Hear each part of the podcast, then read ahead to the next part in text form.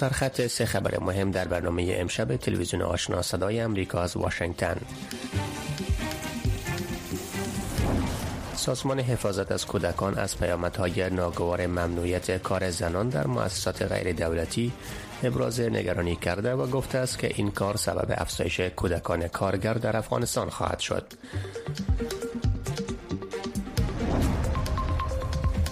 امروز یک شنبه پس از بازگشایی سرحدات چین پس از سه سال محدودیت های کووید 19 باز مسافرین از طریق زمین، هوا و بنادر به سفر به چین آغاز کردند. و وزارت امور خارجه امریکا و دفتر حقوق بشر سازمان ملل متحد و اتحادیه اروپا اعدام دو مرد در ایران را محکوم کردند و امریکا این اعدام ها را محاکمه و اعدام نمایشی خواند.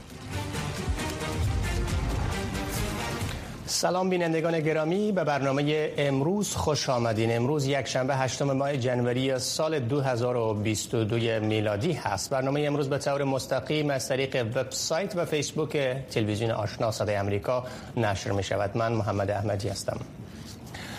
در برنامه امشب ما گزارش هایی داریم در مورد بازگشایی سرحدات چین بعد از یک مسئولی طولانی که در پی همهگیری ویروس کرونا بود. همکارم ژیلانوری در استودیو با من هست و واکنش ها و خبرهای تازه را در این باره گزارش می‌دهد. و اما های ناگوار ممنوعیت کار زنان در مؤسسات غیر دولتی و نگرانی مؤسسات خارجی و همچنین تحلیل و اثرات منفی آن بر روی خانواده ها مخصوصا زنان و کودکان را با مهمان برنامه خانم راهله کبیر که متخصص یا به عبارت دیگر فعال حقوق زنان هست صحبت می‌کنیم. با ما همراه باشید نخست با خبرهای از افغانستان.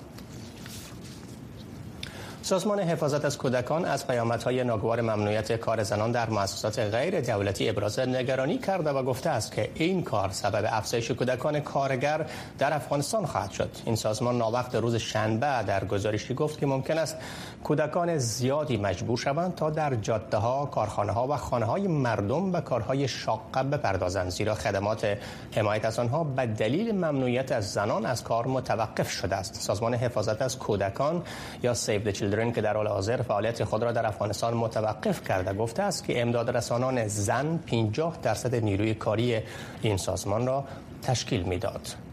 بر اساس معلومات این سازمانی اگر جابی اخیر نشان داده که 29 درصد زنان سرپرست خانواده در سال 2022 میلادی حداقل یک کودک خود را به کار فرستاده است. برای بررسی اثرات منفی و عواقب ممنوعیت کار کودکان که در پی ممنوعیت کار زنان و آموزش زنان از سوی طالبان صورت گرفته. با مهمان برنامه خانم راهله کبیر فعال حقوق زنان و کارمند پیشین یونیسف که اداره سازمان حمایت از اطفال ملل متحد بودن صحبت می‌کنیم. خانم کبیر از ویرجینیا در با ما در تماس هستن. سلام صبح شما بخیر باشه. خسته نباشین. خانم کبیر بر اساس معلوماتی که سازمان حفاظت از کودکان گفته 29 درصد زنان سرپرست خانواده در سال 2022 حداقل یک کودک خود را به کار فرستادن. این آمار به چه معناست و وضعیت زنان و کودکان در افغانستان را چگونه نشان میده و چقدر نگران کننده است؟ سلام به شما آقای احمدی و ما بینندگان شما. خب متاسفانه در افغانستان می‌بینیم که به صورت کلی افغانستان با یک بحران اقتصادی مواجه است و وقتی که زنان حق شغل از اونا گرفته میشه یا حق شغل داشتن شغل زنان سلب میشه تاثیرات از ایران می‌بینیم که برای خانواده ها اطفال خود زنان و جامعه افغانستان چگونه است. در قدم اول قبل از همه در سطح بین‌المللی یک تخطی از حقوق اساسی اولیه است که زنان حق کار از دست میدن و و همچنان در افغانستان وقتی که 50 درصد نفوس جامعه اونا حق داشتن شغل و آید نداشته باشن. 50 درصد نفوس جامعه افغانستان آید خود از دست میده که خودش یک بحران اقتصادی در افغانستان از به مراتب تشدید می‌کنه. ولی تاثیرات از بالای اطفال و خود زنان چگونه است؟ در قدم اول بر خود زنان وقتی که یک زن حق کار و حق شغل نداشت. به این معناست که آید نداره. وقتی که آید نداشت به یک انسان وابسته تبدیل میشه و این وابستگی باعث میشه که حق امو انتخاب و حق آزادی خود از دست بده و در نتیجه مواجه به خشونت و شمول خشونت های خانوادگی ازدواج های اجباری خشونت های جنسی قاچاق انسان می باشه و از طرف دیگر از لحاظ سلامتی فیزیکی و روانی و همچنان از لحاظ تغذیه بسیار زیاد آسیب پذیر میشن طبعا که وقتی که یک مادر صحت خود از دست میده آید خود از دست میده تغذیه درست ندارن تاثیرات از بالای اطفال می‌بینیم. و در, در کل بالای خانواده. بله البته در طفلایی که اونا در سن که باید به مکتب برن و درس خواندن حق ابتدایی و اساسی اطفال است. اونا مجبور هستن برن کار کنن و در نتیجه اونمو فرصت های آموزش از دست میدن. بله. اما تاثیرات از برای اطفال پسر و دختر متفاوت است. در اطفال دختر متاسفانه که اونا حق کار کردن هم ندارن. اونا به ازدواج های اجباری ازدواج طفولیت و ازدواج های قبل از وقت مواجه هستند که خودش هم به صحت یعنی طفل که هنوز یک دختر که هنوز طفل است ضربه می‌زنه و هم وقتی که او مادر میشه و هنوز در یک سن طفولیت است و باردار میشه باعث با وجود آمدن یا تولد یک طفل میشه که از لحاظ سلامتی بله. کامل نیست. خانم, خانم کبیر برای رفع این اقدامات سختگیرانه طالبان جامعه جهانی طبعا تلاشهایی را کرده اقدامات را انجام داده. آیا فکر می‌کنین این اقدامات مؤثر بوده و کافی بوده؟ پس چه کار باید بکنن؟ متاسفانه که در کل مشکل نبود یک حکومت و نظام از در افغانستان. بنان تا وقتی که نظام تغییر نکنه و تا وقتی که سیستم ایجاد نشه و حق اساسی اطفال و همچنان زنان در افغانستان تامین نشه از کارها یا اقداماتی که در بیرون افغانستان میشه تا حد امکان داره که بتانه مثلا بر یک فیصدی کم اجتماع معصر باشه. ولی در کل نمی‌تونه که صد فیصد جامعه صد فیصد زنان و صد فیصد اطفال از این وضعیت بتانن مستفید شون از امو اقدامات مستفید شون به نظر من هیچ راه نمی‌تونه که به صورت کلی جامعه افغانستان کمک کنم مگر این که بله.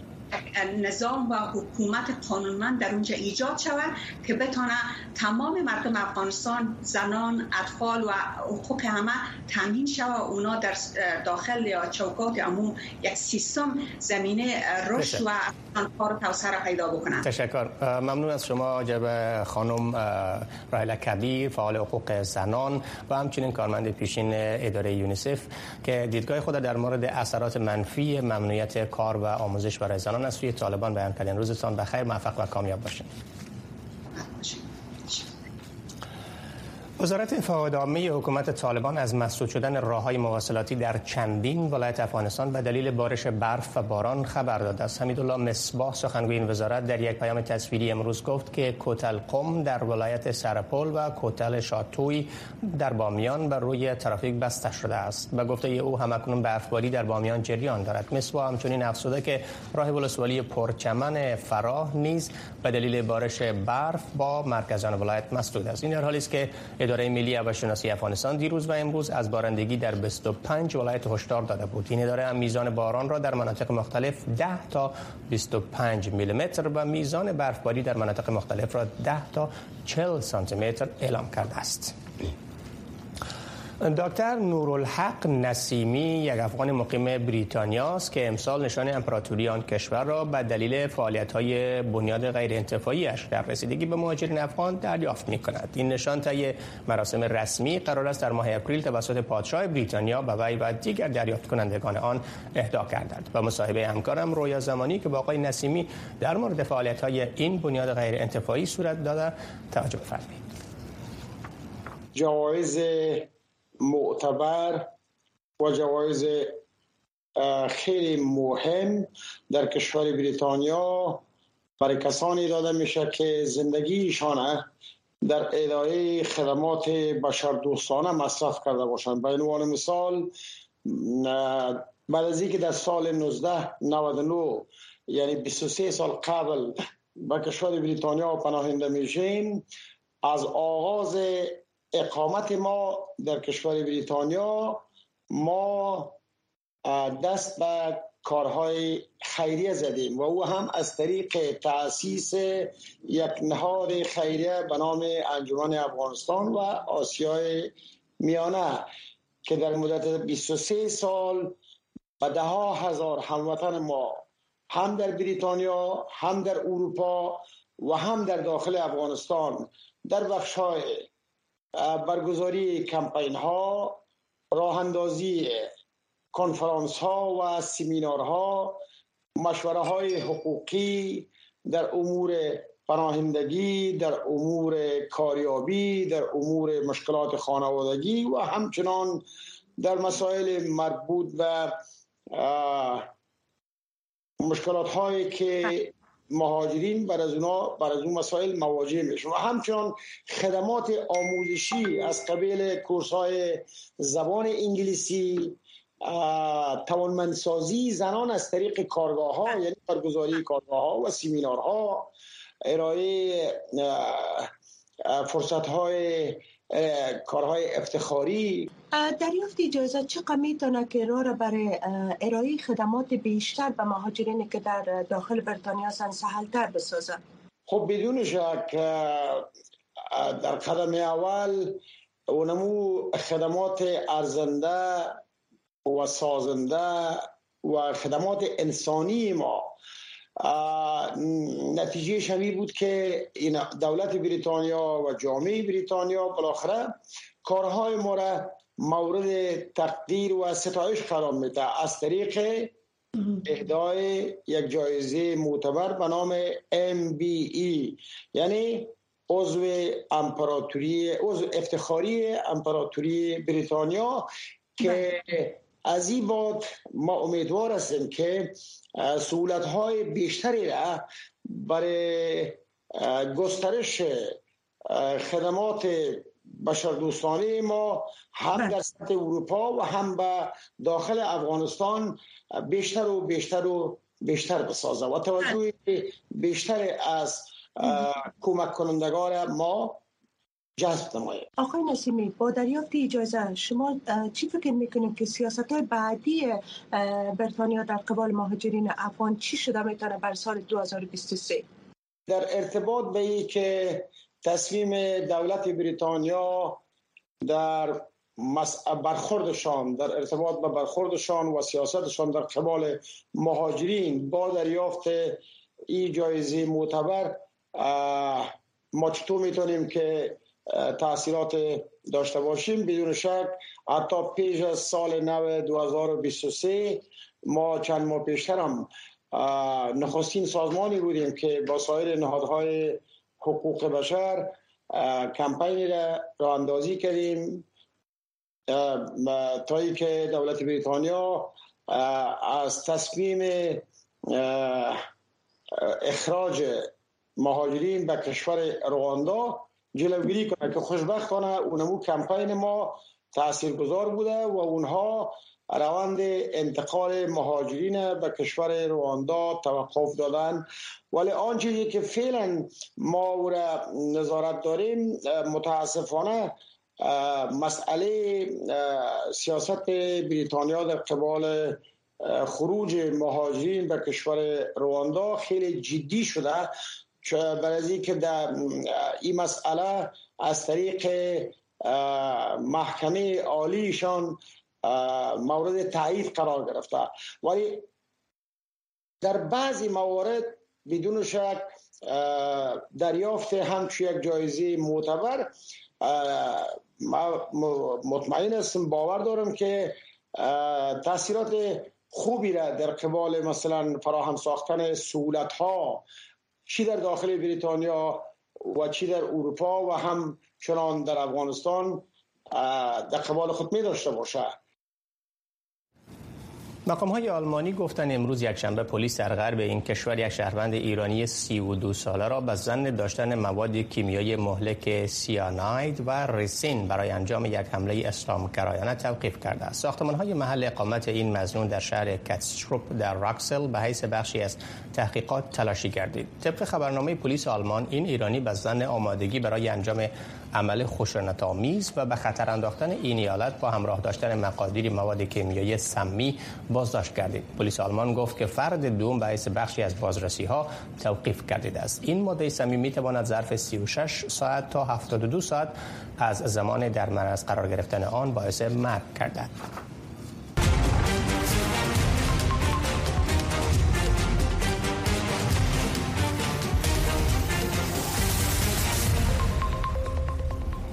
مقام های آلمانی گفتن امروز یک شنبه پلیس در غرب این کشور یک شهروند ایرانی 32 ساله را با زن مواد کیمیایی مهلک سیاناید و رسین برای انجام یک حمله اسلامگرانه توقیف کرده است که شرح بیشتر این خبر را قسمی که پیشتر هم داشتیم بیان شد. و اما خبر دیگر باز هم در مورد ایران هست. اعدام دو مرد در ایران به اتهام قتل یک شب نظامی در ماه نوامبر در جریان اعتراضات به خاطر مرگ مهسا در بازداشت پلیس گزمه ارشاد این کشور محکومیت بین المللی را برانگیخته است. وزارت امور خارجه آمریکا آنچه را که محاکمه و اعدام نمایشی دو مرد در ایران خان با شدیدترین الفاظ محکوم کرد. نت پرایس سخنگوی وزارت امور خارجه امریکا این اعدام ها را بخشی از تلاش های کلیدی رژیم ایران برای سرکوب اعتراضات خواند. دفتر حقوق بشر سازمان ملل متحد این اعدام ها را محکوم کرده و گفته است که محاکمه های ناعادلانه بر اساس اعترافات اجباری صورت گرفته است. اتحادیه اروپا اعلام کرد که از مجازات اعدام علیه معترضان غیر نظامی وحشت زده شده است. قوه قضاییه ایران روز شنبه با نشر اعلامیه‌ای گفت که دو نفر در آن کشور به اتهام قتل یک شبه نظامی به دار آویخته شدند. از آغاز اعتراضات سرتاسری در ایران در ماه سپتامبر سال گذشته میلادی که پس از مرگ مهسا امینی در بازداشت پلیس ارشاد آن کشور جان باخت ایران تا حالا چهار معترض را در ارتباط به اعتراضات سرتاسری آن کشور اعدام کرده است. اختلافات سیاسی که این هفته میان جمهوری خواهان روی پیشنهاد کوین مکارتی برای ریاست مجلس نمایندگان ایالات متحده صورت گرفت می تواند بیانگر مشکلی باشد که قانونگذاران در مورد مسائل بزرگتری مثل رسیدگی به سطح قروض کشور پیش رو دارند. به شرح واکنش ها در قبال انتخاب وی به این مقام که همکارم ژیلا نوری آن را تهیه کرده است در استودیو با من هست و جزئیات را ازشان جو میشم. البته گزارش شرح بیشتر در مورد این گزارش را از نجیب خلیل اکنون می‌بینیم.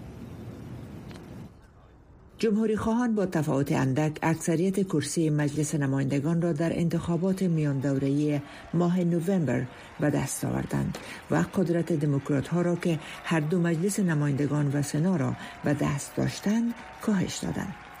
اما گروه متشکل از 20 تن از تندروان به جای اقدام سری روی اولویت هایشان آغاز کار مجلس نمایندگان را به تویق انداختند در نهایت پس از 15 بار رأیگیری کوین مکارتی با عنوان رئیس مجلس نمایندگان انتخاب شد. نگرانی در مورد رهبری مکارتی این است که او مجبور به تعهدات زیاد شد تا به این نقطه برسد و سخنگو شود. تما سوال این است که آیا این تعهدات واقعا قدرت او را به عنوان سخنگو تضعیف می کند یا خیر؟ خانم گلیسپی می‌گوید اتخاذ تصامیم روی مسائل مختلف برای مکارتی می تواند جنجال برانگیز باشد.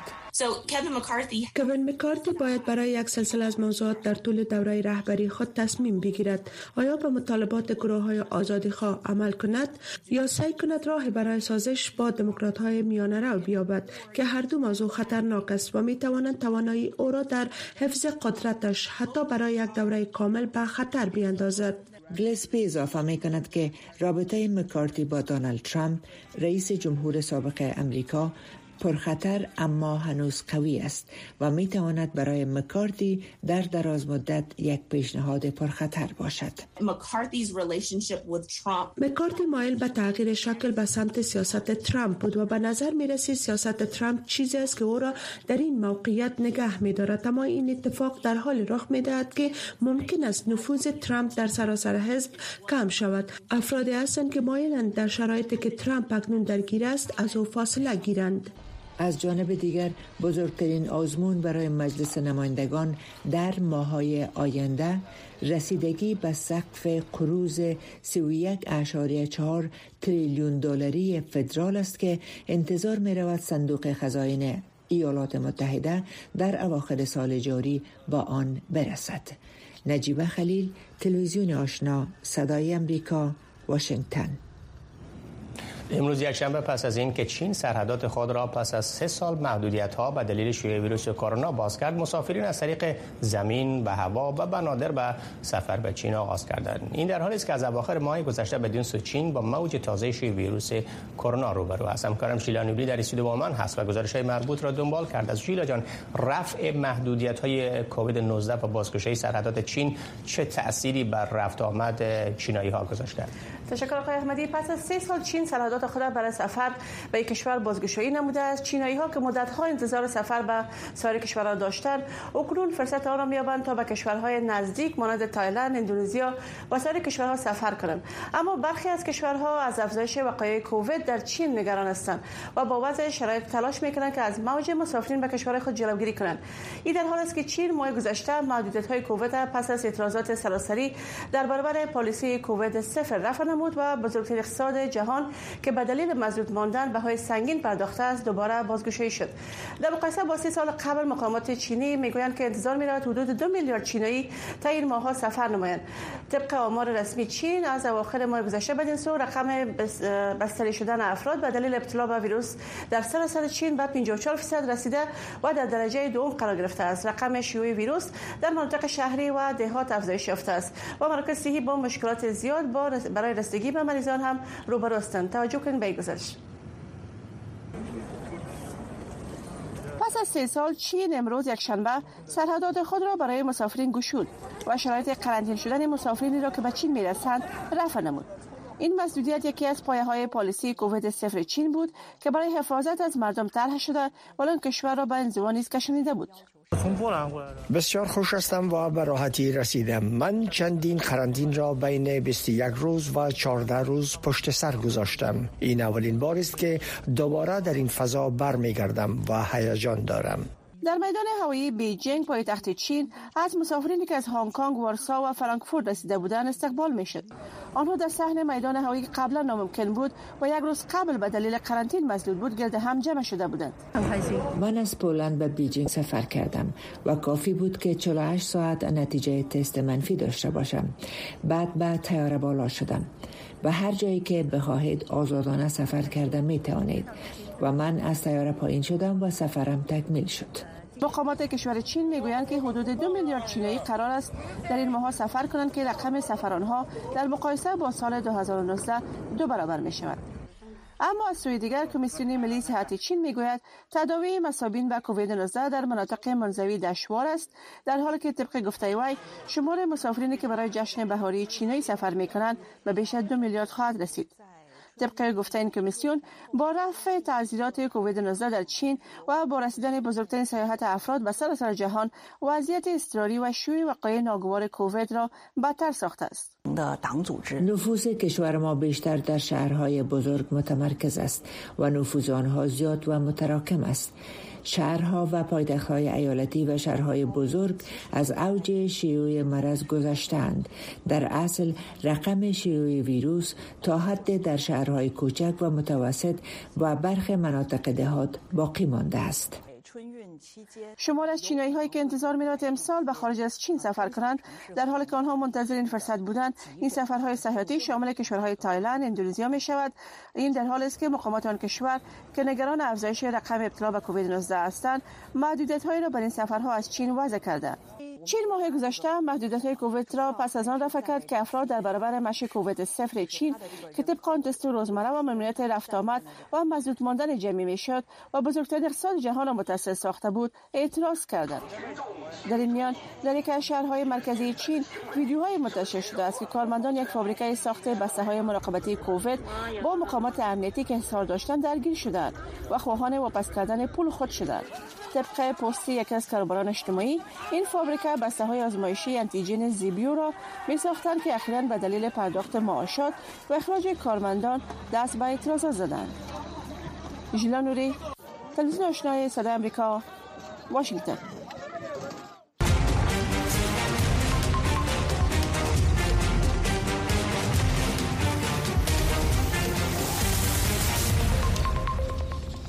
باشندگان ولایت نیمروز با ابراز نگرانی از افزایش روزافزون شمار معتادان در این ولایت از مسئولان می‌خواهند که برای درمان آنان های جدی بردارند. در همین حال قماندانی امنیه ولایت نیمروز از موجودیت بیش از سه هزار معتاد کارتن خواب در این ولایت خبر داده. می‌گوید که قرار است برنامه جمعآوری این معتادان در آینده نزد در آینده نزدیک آغاز شود. سید عارف قتالی گزارش می‌دهد.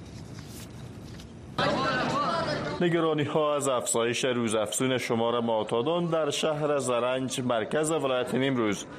اینجا در گوشه از شهر زرنج مرکز ولایت نیمروز مکان تجمع معتادان است. معتادانی که از بام تا شام مواد مخدر استعمال می کنند هر کدام اینان که سالهاست دود این مواد را به سینه می کشند یگان آرزویشان رهایی از این وضعیت و برگشت با آغوش خانواده است. بیداد این مردم برسن و واقعا یک فاجعه است در افغانستان اینا. وقتی ببینی از هر کشوری که بلند میشه که افغان می همه معتاد. به خاطر چی که اینا همه بیچاره بی کس بودن بی سرپرست از رهبرهای درست نداشتیم ما کلان درست نداشتیم. و امروز گرفتار کردن ما رو در این بدبختی و بیچارگی.